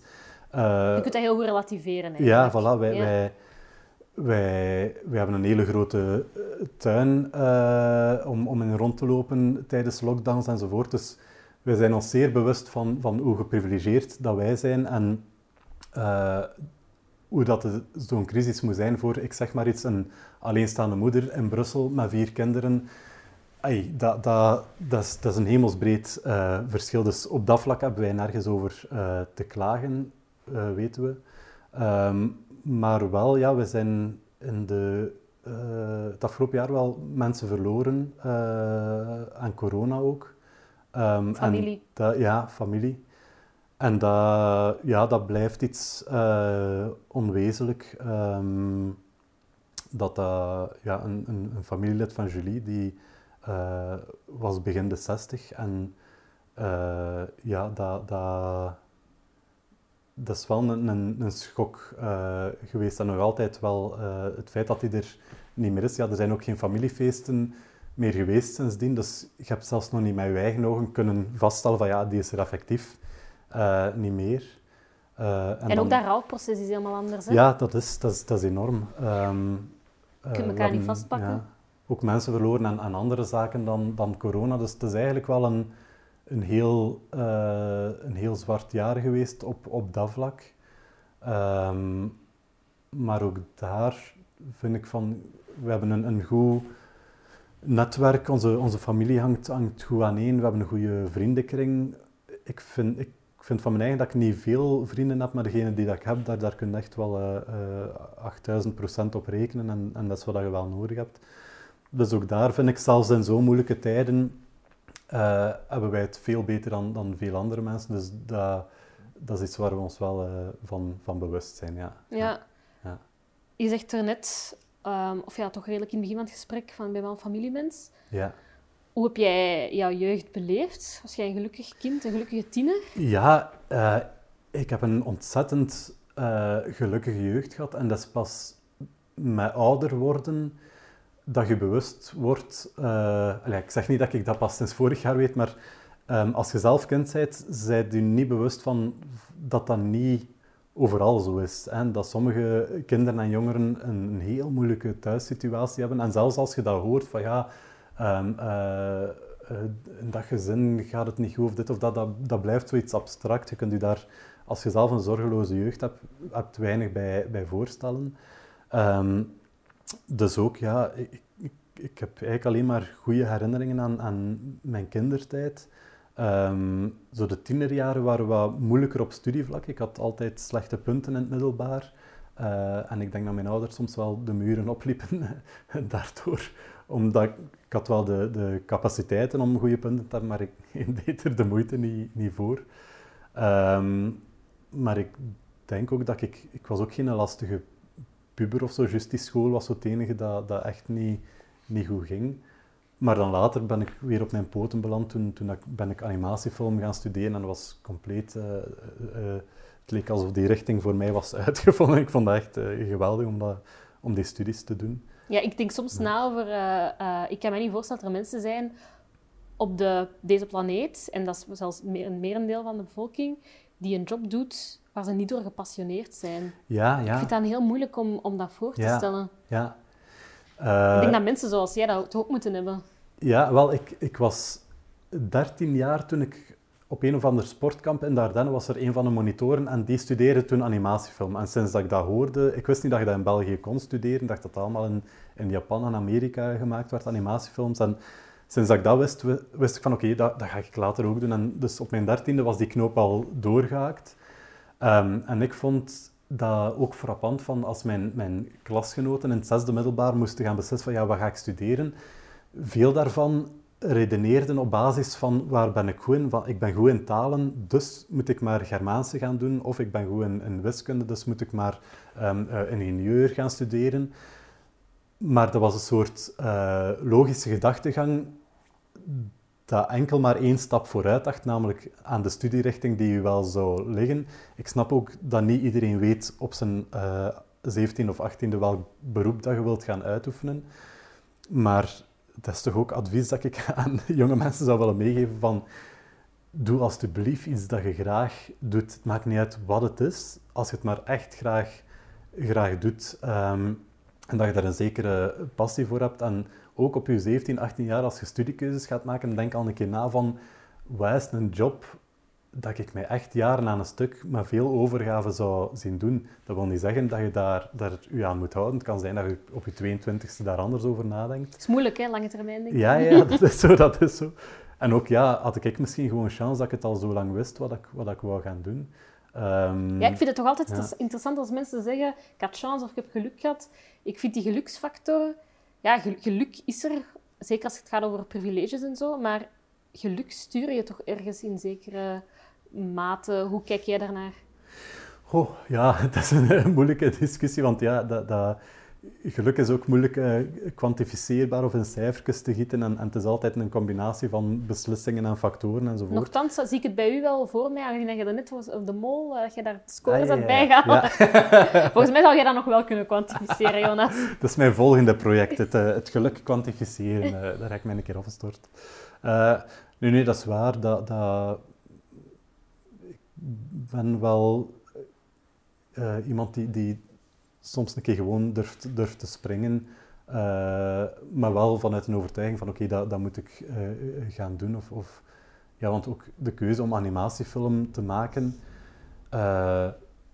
het is niet dat dat een sector is waar zoveel werkzekerheid te rapen valt. En de meeste mensen die afstuderen in animatiefilm, die vinden geen werk binnen die sector. Um, ik denk vandaag iets beter dan 15 jaar geleden, maar het is nog altijd moeilijk. Dus uh, dat is ook geen, geen evidente keuze, maar als je van overtuigd bent van ja, dat is iets voor mij en, en ik ga dat met veel passie en interesse doen, die studies, dan, uh, dan moet je dat vooral doen, denk ik. Ja, ja. ja ik, ik, herinner mij nog uh, toen ik een artikel had gelezen dat je zei na kan dat je heel veel internationaal, overal over de wereld, dat je aanbiedingen kreeg en, en mensen je mails hadden gestuurd en zo. Hoe komt eigenlijk nooit die echte internationale ambities ik weet bijvoorbeeld, als ik, als ik in de schoen had gestaan, ik had direct uh, ik had mijn boeltje gepakt, direct naar Amerika. Vanuit de naïviteit dat dat ook het beloofde land was, weliswaar. ja, toen voelde ik heel erg van... Wij, wij, dat was rond die periode dat wij bij, bij Woestijnvis zijn gaan solliciteren. En ik wou eigenlijk al heel lang graag uh, uh, iets voor televisie doen. Um, en zo ja, onze helden dat waren uh, ja, Jan Elen en, en, en Bart de Pauw en iedereen die zo goede comedyprogramma's maakte. Daar keken wij geweldig naar op en wij wouden dat ook doen. En dus toen het idee om, om binnen die animatie te blijven en ja, een nieuwe kortfilm maken, had ik toen eigenlijk geen zin in. Of om voor een animatiestudio te gaan werken, waar je dan iemand anders zijn idee of zijn verhaal gaat uitwerken, had ik ook geen zin in. Plus ik ben geen goede tekenaar, ik ben niet de beste animator. Dus daar had ik eigenlijk ook al weinig te zoeken. Ehm, en dat was toen ook eigenlijk niet zo'n moeilijke keuze. En het was wel tof dat er aanbiedingen kwamen. Er waren er geen honderd of zo, maar wel een paar aanbiedingen van ehm, mensen die geïnteresseerd waren om, om, uh, om met mij te babbelen of om, om samen iets te doen. En dat is wel tof dat die er waren. Maar, uh... Ik vind, toch wel dat je toch wel kan tekenen. Die neogotische kapel in Kabouter Wesley, ik vond die echt heel goed... Uh... ja, ja. Heel, met heel veel overtuiging getekend. Ja, ja. Maar, maar het is zo... Ja, Kabouter Wesley... Um, ik vind als je dan toch niet goed kunt tekenen, Doe dan het, het, extreme in de tegenovergestelde richting en zet dat maar in de verf hoe slecht dat je kunt tekenen. En dan maakt, maakt zoiets gelijk uh, Kabouter Wesley. Ehm, je moet niet doen alsof dat je het wel kunt dan. Uh, bijvoorbeeld uh, Jelle, die in mijn klas had, die animatiefilm ook gestudeerd heeft, die, dat is een waanzinnige teken. Die kan Disney aanstekenen, die kan als ze die vraagt van teken een keer een, een, dinosaurus of een draak of een weet ik veel wat, dat, dat, met, met een stift en vijf minuten later staat er een, een magistrale tekening. Ik ben daar super jaloers op. En dat is iets dat ik nooit gekund heb en ook eigenlijk niet hoef te kunnen, want het is nu te laat om dat nog te Het is nooit te, laat om te leren. Nee, dat is waar. Maar uh, ja, um, uh, ik vind dat ook dat je, als je eigen beperkingen kent, gelijk wat dat je doet als, als creatief mens, je kunt daar ook je, je voordeel uithalen. Ja, dat is waar. Dus, uh, dat is ja, waar. Voilà. Ja, is er, is er nog zo'n vaardigheid waar je aan denkt van, dat zou ik wel nog moeten leren? Um, ik zou graag uh, nog meer van, van muziek kunnen. Dus ik speel wat piano, maar ik heb uh, van mijn, moet ik denk, van mijn achtste tot mijn 13, 14, zoiets, als ik me niet vergis, heb ik pianoles gevolgd. En dat was een hele toffe pianolerares. Uh, maar het was een redelijk traditionele benadering met, met partituren en zo. En zij, zij deed wel haar best om mij dingen te laten spelen die dat ik graag speelde. En, um, dus dat was heel tof. Maar toen dat die lessen gedaan waren, heb ik eigenlijk ja, zelf nog een beetje verder gespeeld, maar technisch is daar niet veel meer bijgekomen. En paar jaar geleden ben ik dan weer wat, wat lessen beginnen volgen. Uh, en ook in de container, uh, toen jullie naar Memobistar hebben gebeld, ja, toen heb je het, het, het, klantendienstnummertje ja. Uh, gespeeld. Ja, ja, ja, ja. dat behoort nu ook tot mijn uiveren als iemand nog een goede muzikant zoekt voor een wachtmuziek. ik zou nog eens moeten... Uh, ik zal nog wel kunnen spelen, het, het wachtmuziekje van Basta, ja. Maar ja, zo nog een, een, ander instrument of zo, ja, dat, dat, dat zou ik nog wel willen kunnen. Um, ook de voorbije jaren, nu met, met corona niet, maar de twee jaar daarvoor, is er... Woestijnvis heeft een soort um, het wordt niet teambuilding genoemd, want teambuilding is een beetje een suffe term, maar wel een weekend met de werknemers van Woestijnvis. En daar was de laatste twee edities was er altijd een gelegenheidsband, dus, die samen dan covers deden van, van bekende nummers. En dan mocht ik voor sommige nummers aan de piano zitten. En ik vond dat zo waanzinnig tof, omdat ik had, hey, buiten als ik 15 jaar was, een keer eenmalig, had ik nog nooit in een, in een bandje gespeeld. En dat vind ik wel iets heel leuk. Dus misschien dat, ik, dat ik daar uh, mij nog wat in. Ik zie het ook wel in u. Is het waar? Ja. Ja, ja. ik heb heel veel met muziek dat ik soms hoor ik een nummer en dan wil ik dat, dan laat ik aan iemand horen en dan zegt hij, ik vind het toch niet zo speciaal. En dan denk ik, allee, je hoort het niet goed, luister opnieuw. Ja, ja, ja. Dat smaken zo subjectief kunnen zijn dat ze gaan Verschrikkelijk toch? Welke muziek luister je graag? Oh, maar dat is, dat is heel uh, eclectisch, van alles door elkaar de dingen die ik zelf speel op piano, ben ik niet aan het denken van... Dat gaat van The Strokes tot Marco Borsato, tot Eels, tot Beirut, Amy Winehouse. Wat vind je van 21 Pilots? Uh, daar ben ik niet zo mee vertrouwd. Nee. Maar dat is waarschijnlijk uw favoriete band? De reden van, dat je ja, vraagt? Mijn all-time favorite, band is Blink-182. Daar ben ik mee ah, opgegroeid. ja. Ik ben daar ooit nice. van naar Amerika gereisd. Hè. Met mijn spaargeld. Uh, in de tijd dat vliegticket naar Los Angeles nog 250 euro kostte. 2009, I kid you not. ik heb zelfs in dat, in dat creepy hotel geslapen, waar dan nu een Netflix-serie rond ah. bestaat. De Cecil Hotel. Ah, waar ja. moorden zijn gebeurd en zo. Ik wist dat uiteraard niet op dat moment. Ja, Dat, was echt, dat was echt wild. En dat was een een reunietour van Blink-182 Ja. en dat was echt de max. Maar vandaag luister ik inderdaad meer 21 Pilots. ja. En een vriendin straks zei... Ja, dat is zo wat poppig, hè? een beetje gelijk al hun andere nummers. Hè? En ik had zoiets van... Ja, wat zeg jij niet? Excuseer. Die hebben nu zich hun eigen artistiek eruit Ik vind het heel leuk als bands verschillende stijlen combineren. Ja. En dat toch laten werken. Dat vind ik Ja, geweldig. ja, ja, ja. Ligt er Ja. helemaal aan. Ik vind ook dat er hier bij ons interessante dingen gebeuren op vlak van muziek. Ik vind dat wij echt wel goede Ja, bands hebben ook. En, en ook zo, hey, Nederlandstalig, vroeger hield ik daar absoluut niet van, maar zo bijvoorbeeld het zesde metaal vind ik waanzinnig goed. Eh, ehm, maar andere, ja, ook Engelstaal, Absent Minded, eh, iets waar ik nu aan denk. Eh, ehm, ja, er gebeurt veel en, en, en sommige genres gaan aan mij voorbij, zo hip-hop en, en dat soort toestanden, dat is, dat is aan mij niet besteed, maar ook daar eh bougeert er veel en worden er Ja. heel eh, interessante dingen Ja, ik, ik luister normaal nooit naar de radio, maar ik heb onlangs een zender ontdekt die ik super goed vind, Willy. Ah, Wel, dat is, het laatst, dat is eh, een vrij nieuw radiostation. Wim Oosterling presenteert eh, eh, daar. Andries Bekkers draait daar trouwens ook. En ehm, die draaien echt hardere muziek. Super cool. En ik heb daar echt al goede muziek leren kennen. Bijvoorbeeld een. Belgische band, Equal Idiots. Ah ja, ja, tuurlijk. Ja. Ja, ik kende die niet. Dat is van Thibaut Christian. Ja? Ja, Ja? ja. Wat een goede band. Ja, ja, ja. ja, ja. Wauw. Ik ben, ben niet extreem vertrouwd met, met het uiveren, maar eh, ja, de paar dingen dat ik al van gehoord heb, dat is, dat is tof. Hè? Ja, Ja, en ja. dat ik van, allee, dit zou in de, in de hitlijsten in de Ja, staan. Ja, ja, ja. ja. Ja, en dat vind ik dan ook weer onrechtvaardig dat dat niet het geval is. En dan heb ik zoiets van, laten we die muziek hier gaan online gaan verspreiden, zodat die toch op de radar van Amerika... Ja, Zo gaat het dan in mijn hoofd. ja, ik kan, ik, kan, voor mij is muziek dus eigenlijk bijna escapisme. Ja, ja, ja. Bij het schrijven zetten wij ook altijd muziek op. Ehm, meestal is dat dan filmmuziek, dat past binnen het genre waarvoor je aan het schrijven bent. Om echt in de setting te Ja, komen? ja, ja, gelijk als wij aan de dag aan het schrijven waren. eh goh, wat hebben wij toen allemaal beluisterd? Ja, zo de, de eh, Scandinavische soundtrack, zo, zo Borgen en dergelijke, de Bridge eh, beluisterd. Want de Scandinavische series zijn ook machtig. hè. Ja, ja, ja. Maar ook zo bijvoorbeeld Inception, wat dat dan veel Hollywoodiaanser is, maar die muziek paste goed tijdens het schrijven. Ehm, eh, ja, veel dingen echt grijs gedraaid toen. Moon, een science fiction film van een jaar of tien geleden. Heel goede soundtrack.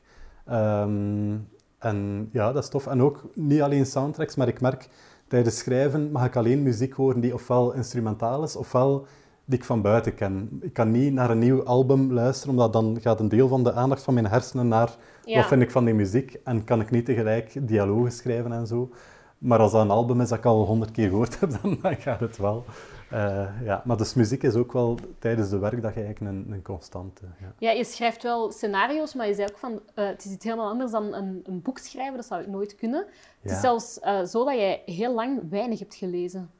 Ja, dat klopt. De laatste jaren is daar wat verbeteringen gekomen. Ehm, maar ja, er is een periode van, denk zeker tien jaar geweest, waarin ik nauwelijks één of twee boeken op een jaar las. Eh, Ga ik daar zelfs nog niet, hè? Ah ja, ja ik, ik miste dat toen eigenlijk ook niet. Maar nu heb ik dat wel herontdekt, hoe, hoe fijn dat, dat is om, om ondergedompeld te worden in, eh, in een boek. En ik wissel ook eh, fictie en non-fictie af. Dus als ik een roman lees, gaat het volgende boek bijna altijd een, een non-fictieboek zijn. Ah, Ik heb echt die visuele prikkels van tv nodig. Ja, ja. Ja, ik snap het wel. Wij, wij hebben heel lang ook heel veel eh, reeksen gekeken, eh, omdat dat leuk is, maar ook omdat je zelf wijs maakt van ja, dat is onze job, dus wij moeten op de hoogte zijn van alles wat er gebeurt. En in zekere zin klopt dat ook, maar de laatste tijd zijn we ook wel wat strenger geworden. Eh, als we iets beginnen kijken, hoeven we het niet per se uit te zien. Zelfs niet als het goed is. Als het uitzonderlijk goed is, gaan we het wel uitzien, maar er zijn reeksen waar ik aan begin en dat ik echt vind, denk van ja, dat is echt een goede reeks. Maar na vier afleveringen stop ik, omdat je, je kent het reception of zo. En, en eh, je hoeft niet alle tien of twintig afleveringen per se te zien. Of, of dat je zelfs niet nieuwsgierig genoeg bent naar hoe gaat dat aflopen. Of, ehm, dus daar proberen we wel iets zuiniger eh, in te zijn. Op, Jij hebt dat sowieso nu Ja. ook, hè? Niet? Met Animal Kingdom? Wat hij zegt? Ja, we, zijn dus, we zijn een reeks aan het zien en Mhm. het is ongelooflijk goed. Oké. Ik, kan, ik ben echt gekluisterd aan het... Animal Kingdom, Animal staat op ja, Amazon Prime. gezien, Ja. Maar wauw. En Ja. het is ook wel een... En wat genre is het? ja, het is crime en drama. Ah. En het is een, een reeks die eigenlijk na vier of vijf seizoenen nog steeds op IMDb een 8,2 ki- krijgt. Oké, ja. Dan vind ik dat wel... Ja, ja, ja. Ja, ik, ik hecht wel belang aan de mening van IMDb. Hoewel Ja, Jan wij Verheyen heeft mij gezegd... wel, eh, ja. Je moet dat, mo- mocht dat eigenlijk pas doen als er heel veel eh, reviews zijn achtergelaten. Maar ik vind het, ja, ja. ja, ik vind het supergoed. En ik kan ook echt zo in één ruk... Ja, Zij iets minder. Ja, ik neem het daar niet kwalijk, maar ik, ben echt, ik kan me echt helemaal... ja. Ja. Of Succession, heb je die reeks gezien? Dat is een voorbeeld van, ik ben halfweg seizoen 2 geraakt en ik vond het nog altijd zeer goed en ben gestopt met kijken, omdat het niet per se meer moest. Ik vond die eerste reeks geweldig en die tweede was ook nog goed, maar het hoeft niet meer per se om het allemaal gezien te hebben. Heb je nog zo tips van reeks dat je zo zegt van die moeten we wel zeker helemaal uitzien?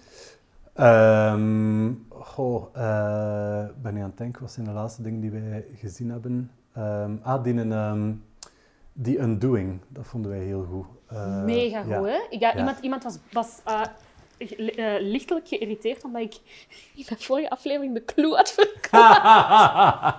ja, dat snap ik. Maar hoe Ja. goed is die serie? Ja, ja, ik vond die echt geniaal. Ik vond die ook heel goed gefilmd. Ja, ja, alles was daar goed aan. Dat was, eh, eh, ja, en ook dat zo, dat zo het soort reeks waar dat je zo zelf Je eigen tegenkomt. geraakt wordt en, en, en dat niet altijd even leuk is om, om, ja, hoe moet ik dat zeggen? Het raakt u en dat is altijd een goed teken als een, als een reeks u raakt. Ehm, dus, eh, Maar ik vraag me wel af, als je door uw ogen naar een reeks kijkt, let je dan eens op al die dingen die zo vanuit je beroep anders of beter, of dat zou ik zo hebben gedaan. Ik heb dat bijvoorbeeld, als ik, als ik iets lees, een Mhm. tekst, dan ben je dat direct vanuit mijn copywriting en vanuit mijn Ja, ja, taalkundig. ja, ja, ja. Bij ons is dat ook al, dat is altijd een zekere beroepsmisvorming. En ja, je zit altijd te kijken naar hoe is dat gefilmd, hoe is die, die scène opgebouwd, hoe is, hoe is de reeks opgebouwd, hoe zijn de dialogen. En ehm, als een, eh, ja, hoe minder dat je erop let, hoe beter dat de reeks is natuurlijk. Als je Ja. echt helemaal, gelijk bij die Undoing was dat wel zo, in het begin zit je heel analytisch te kijken, maar om een duur vergeten dat omdat de reeks gewoon eh, goed genoeg is. Eh, let je daar niet meer op. Maar ja, dat, dat is wel... Soms vind ik dat wel jammer, dat je altijd met een soort beroepsmisvorming eh, naar iets zit te kijken. Maar ja, je leert er ook wel veel uit natuurlijk. En wat ik ook soms interessant vind, is... ehm, eh, er zijn reeksen waarvan dat ik het idee heel prikkelend vind, eh, die dan tegenvallen. En om dan de analyse te maken van ja, hoe komt dat nu? Bijvoorbeeld zo... Een voorbeeld is Upload. Ik denk dat het ook op Amazon zit. Ehm, dat is iets, het is al een tijdje gelezen, maar als ik me niet vergis, is het als je... Het is zo wat Black Mirror-achtig qua insteek. Eh, als je overleden bent, kun je via een of andere virtuele realiteit Ja, ja, ik ja. toch... eh, Ik kan me herinneren. Ik heb, het, ik Ja. heb die beschrijving gelezen en ik vond het aantrekkelijk. En ik zag dan de trailer en dan niet meer. Ja, maar wij zijn dus beginnen kijken en de eerste twee afleveringen zit zelf maar te denken van nee, nee, nee, dat is het niet. Dat, soms is het ook heel moeilijk, zelfs als je zelf in, in, in die sector werkt, om te benoemen van waarom is dat nu niet goed en, en waaraan ligt het nu allemaal eh, eh, en waarom zijn bepaalde keuzes gemaakt. Eh, maar dat kan ook wel interessant zijn om iets dat je niet goed vindt te, te proberen, of niet goed genoeg te proberen analyseren. Eh, ehm, ja. Maar ik merk nu ook wel dat dat tof is om zo iets minder reeksen te kijken en meer tijd te maken voor andere dingen. Ik, zal, ik werk voor, zelf voor televisie, maar ik zou heel graag hebben dat mensen minder tv kijken. en meer ja, echt sociale dingen doen en buiten gaan en, en, en elkaar, ja, meer, meer tijd. Een keer dat corona achter de rug is, maar eh, ja, meer tijd voor, voor het echte sociale leven. Ik vind dat mensen veel te veel tv kijken. Ik zelf ook, hè, maar eh, bij deze een warme oproep. Maak onze sector kapot en kijk minder, kijk minder televisie. Ja. Ja. laatste vraag. Welke vraag wou je dat ik gesteld had tijdens dit interview? Die ik zeker eigenlijk had moeten stellen. Ah, oei, shit. Eh, dat is een goede vraag in die zin dat ik het, eh, het antwoord niet, niet weet. Dat is wel echt Dus heel is- meta. hè? ja, dat is een, een, een teken dat je, denk ik, wel goede vragen Ja, gesteld heb je ervan Ja, genoten? ja, tuurlijk. Ja, het was kei tof. Ja, ik vond het echt een Ja. super eer om u hierover eh, de vloer te hebben. Wederzijds. ik heb er echt van genoten. Ja. Dank u wel. Ja, Met veel plezier. Wordt misschien vervolgd, maar waarschijnlijk niet. Natuurlijk snappen enkel echte Kabouter Wesley-fans deze referentie. Maar in elk geval, als je van dit gesprek hebt genoten, dan raad ik je zeker ook aan om mijn babbels met Jelle de Beulen en Lieve Scheire te beluisteren. Volgende week staat hier weer een nieuwe gast live op de podcast.